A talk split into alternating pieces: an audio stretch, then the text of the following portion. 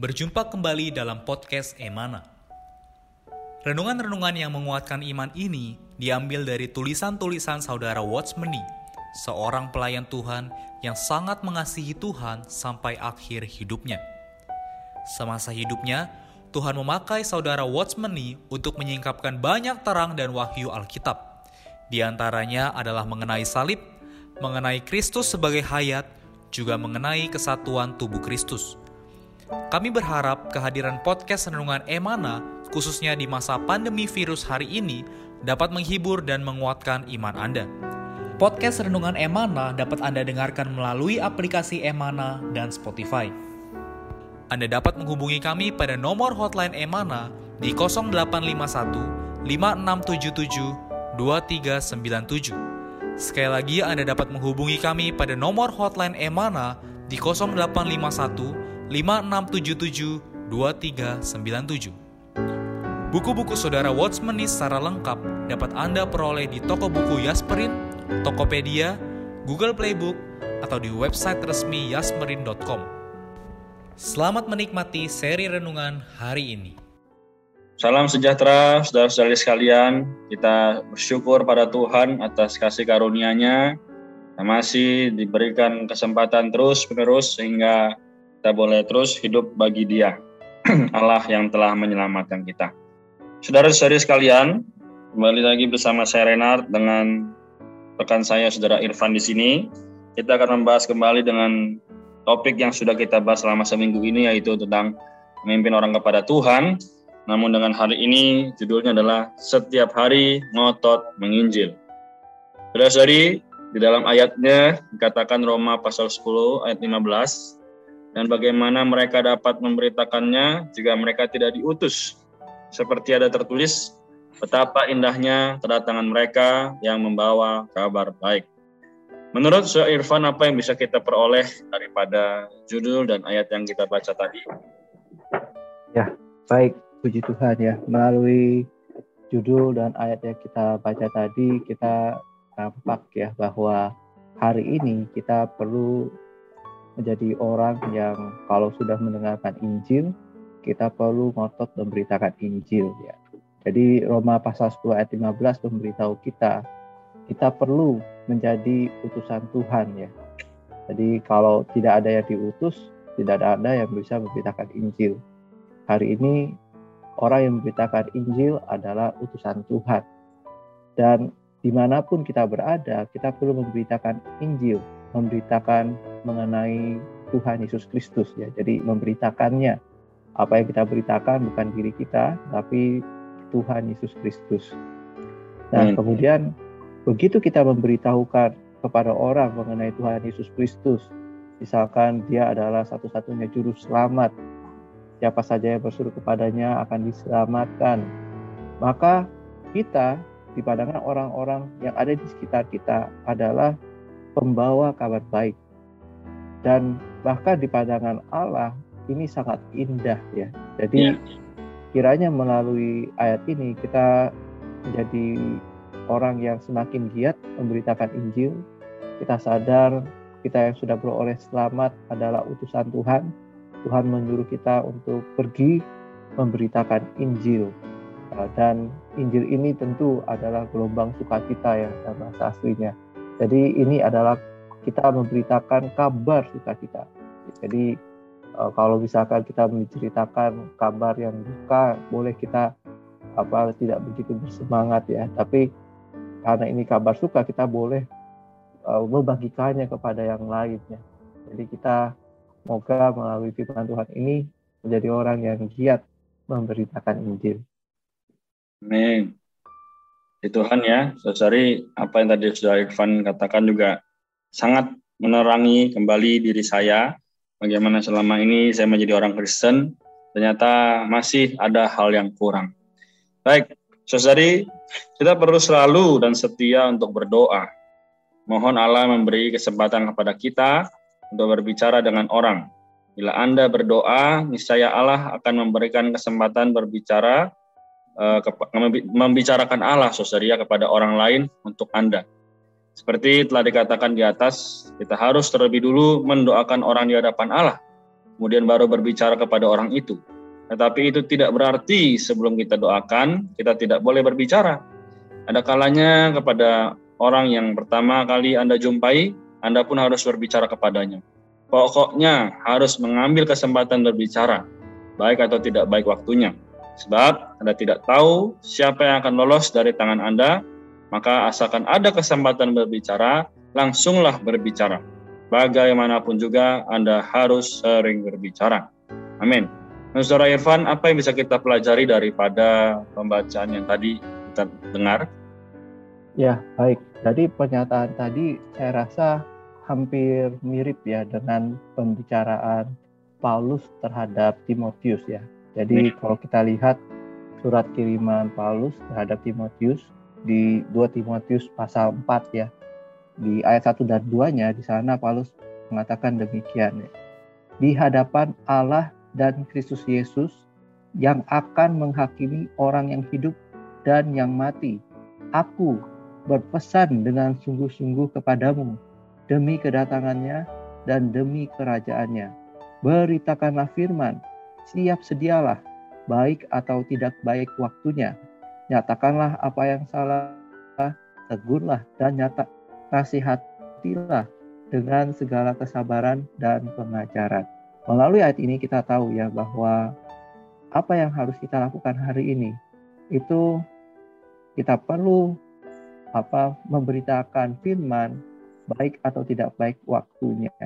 Ya, jadi kalau misalkan um, kita hari ini tidak menggunakan waktu sebaik mungkin memberitakan firman, Wah, kita menghadap Tuhan, menghakimi di dalam penghakimannya, oh, sungguh akan merasa malu ya. Mungkin saya ingat perumpamaan hamba yang setia dan malas ya. Kalau misalkan kita apa tidak memberitakan Injil, mungkin akan seperti itu ya, hamba yang malas, yang menyembunyikan talenta, menyembunyikan kabar baik yang tadi kita sudah sampaikan uh, sehingga orang-orang tidak bisa mendapatkan itu. Jadi ya. uh, moga melalui pernyataan tadi nasihat Paulus kepada Timotius juga bisa menasihati kita semua. Kita mau baik atau tidak baik waktunya memberitakan firman. Amin. Betul ya, saudari. Jadi bagaimana sebagaimana Paulus sama-sama dia adalah uh, manusia biasa, tapi karena dia mengenal visi mengenai eko apa uh, firman ini, maka dia bisa dengan giat ya memberitakan Injil. Nah, saudari, memang benar kita harus mendoakan orang-orang yang namanya telah tercatat dalam buku kita. Namun harus berdoa bagi banyak orang. Ya sekalipun kita tak mengetahui nama mereka, kita harus berkata, "Oh Tuhan, selamatkanlah orang-orang dosa itu." Tak peduli yaitu siapa dan siapa namanya. Gitu kita beroleh kesempatan berjumpa dengan seseorang dan dalam hati ada perasaan, segeralah berbicara dengannya. Apakah saudara Irfan juga mungkin pernah mengalami atau ada yang bisa di-sharingkan dengan statement ini? Ya, baik. Jadi uh, sering ya memang ada pengalaman demikian. Uh, sebelum saya bagikan pengalaman, mungkin saya ambil tulisan Paulus ya dalam Kolose pasal 4 ayat 3 ya. Jadi berdoa jugalah untuk kami, supaya Allah membuka pintu untuk pemberitaan kami, sehingga kami dapat berbicara tentang rahasia Kristus yang karenanya aku dipenjarakan. Nah, melalui ayat ini kita nampak ya, Paulus minta didoakan, ya kan, uh, dan dia ingin kaum beriman di Kolose ini berdoa, mendoakan dia, dan yeah. akhirnya dia dapat berbicara tentang rahasia Kristus. Jadi uh, doa kita sangat erat kaitannya dengan keberhasilan kita uh, memberitakan Injil kepada orang-orang yang ada di sekitar kita. Nah di 1 Tesalonika 2 ayat 4 di sana Paulus sudah beritahu kepada orang-orang di Tesalonika ya. Sebaliknya karena Allah telah menganggap kami layak sehingga ia mempercayakan Injil kepada kami. Maka kami berbicara bukan untuk menyenangkan manusia, melainkan untuk menyenangkan Allah yang menguji hati kita. Kita perlu memberitakan laut, atau memberitakan Injil, sorry, uh, supaya Allah eh, apa orang-orang di sekitar kita bisa beroleh selamat ya. Jadi eh, Allah mempercayakan ini kepada kita. Kita boleh memberitakan Injil eh, kapan pun di mana pun kita tentu boleh berdoa. Eh, kalau misalkan Allah berkehendak ya Allah akan berbicara kepadanya dan dia beroleh selamat. Ya. Saya punya uh, pengalaman ini ya ketika saya pelayanan di kampus berdoa ya kan uh, apa saya ketok-ketok kos-kosan ya uh, sebelum kita mengetok memberitakan Injil kita banyak berdoa ya jadi ada waktu saya ketok satu kosan ya wah di pintu itu sebenarnya ada gambar tengkorak gitu ya. Lalu ada banyak bungkus rokok juga ada minuman-minuman keras di depan pos itu ya. Um, apa kalau misalkan dilihat dari luaran kayaknya orang yang ada di dalamnya sulit ya untuk menerima Tuhan dan sebagainya. Tapi karena waktu itu saya rasa karena banyak berdoa, jadi roh itu memimpin untuk apa namanya terus mengetok pintu itu ya. Dan ketika mengetuk, ya benar sekali orang yang ada di dalamnya uh, memang apa sangat negatif ya. Namun dia justru malah terbuka terhadap Injil ya ketika kita memperkenalkan Tuhan, dia terbuka dan akhirnya dia bisa beroleh selamat. Jadi apa namanya ya melalui doa Tuhan akan memimpin, Tuhan akan berikan perasaan, perkataan dan kita bisa penuh kuat kuasa menyelamatkan orang itu ya. Tidak peduli situasinya, kondisinya bagaimana ya, buruknya. Ya Injil adalah bagi mereka semua. Ya, kita moga semakin apa giat ya memberitakan Injil, banyak berdoa, mohon pimpinannya melalui diri kita yang bersatu dengan Tuhan, orang-orang di sekitar kita juga bisa beroleh selamat. Amin.